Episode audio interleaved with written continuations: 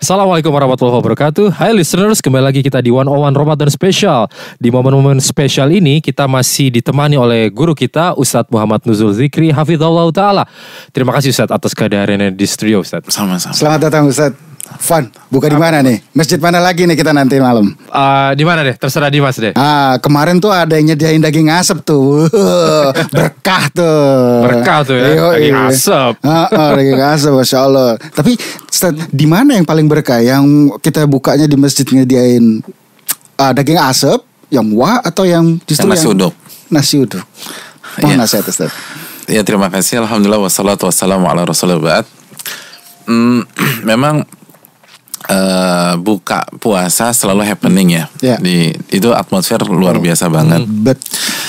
Eh, terus tadi ada pertanyaan eh, buka puasa di masjid, Masjid. atau di tempat mana yang paling berkah? Ya.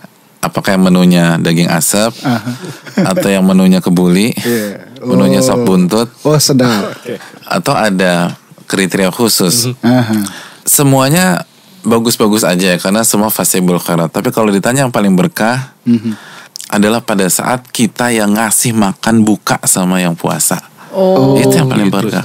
Terlepas yang apa menunya ya. Walaupun kita cuma bisa kasih tempe orek, Oke. Wow. kita cuma bisa kasih eh, nasi uduk pakai gorengan, tapi kalau itu yang kita bisa dan kita ingin kasih sebagai menu buka dia, itu yang paling berkah. Karena Nabi SAW bersabda dalam hadis surat Imam Tirmidzi, "Man fattara iman barang siapa yang memberikan buka Ya. kepada orang yang puasa." Dan bottom line-nya pas maghrib ya, jangan jangan pas jam 10 pagi ya. makan siang lagi. Jangan pas lunch. Harus pas maghrib. Lalu apa yang dia dapatkan?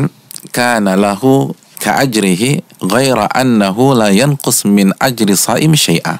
Maka dia akan mendapatkan pahala orang yang lagi puasa itu tanpa mengurangi pahala yang berpuasa sama sekali. Oh, Allah. Jadi luar biasa. Jadi kalau misalnya eh, kita kasih makan berbuka buat Dimas atau buat Fani, maka orang tersebut mendapatkan dua pahala puasa. Pahala puasa Dimas, Fani plus satu lagi dia, jadi tiga.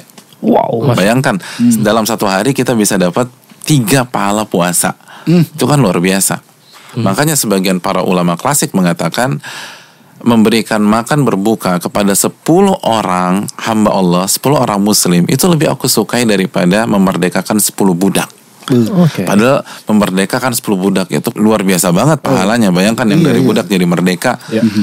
Tapi karena puasa adalah rukun Islam dan ketika kita kasih makan orang yang berbuka, kita dapat pahala tuh orang, maka eh, pahalanya luar biasa. Oh. Bahkan eh, para ulama yang lain itu berkhidmat gitu loh, pengen orang tuh buka di tempatnya.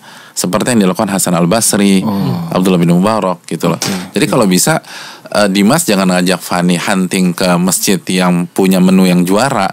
Justru itu tuh. Dimas undang Fani Ah, untuk oke. buka di rumah. Nice. Dan Fani nggak mau kalah. Gua buka di rumah lo ha- hari ini, besok lo di rumah gue ya, gitu. Oh, Itu yang dilakukan oleh Hasan Al Basri, Ibnu Mubarak dan lain-lain. Bahkan eh, sebagian para ulama klasik, para sahabat, para tabiin, eh, seperti Ibnu Umar, seperti Imam Ahmad, seperti Daud At-Tai, seperti eh, satu lagi misalnya Malik bin Dinar, itu ketika dia lagi dia punya makanan berbuka nih, belum dia makan, terus dia lihat saudaranya nggak megang nasi kotak, misalnya bahasa kita sekarang ya, nggak megang nasi bungkus, nggak megang korma, nggak punya makan berbuka, tuh dia kasih tuh buat saudaranya.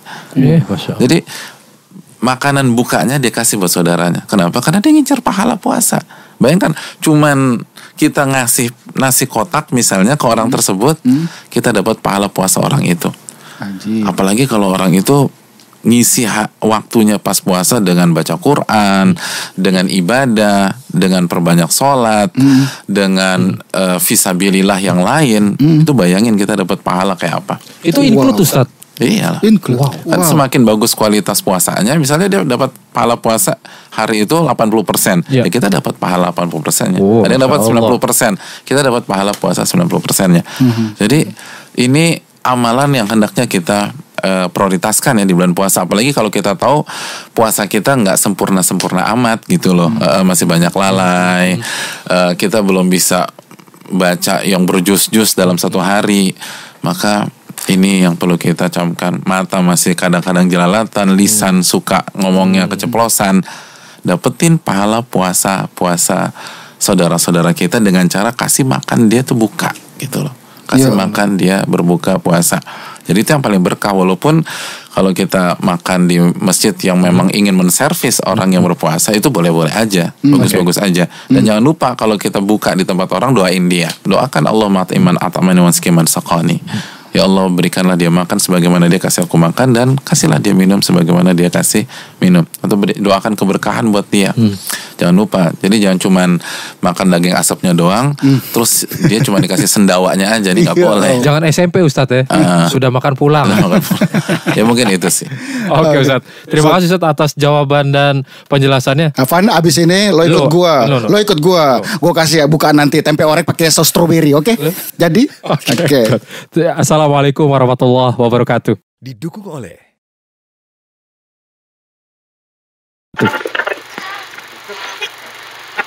Uh-huh.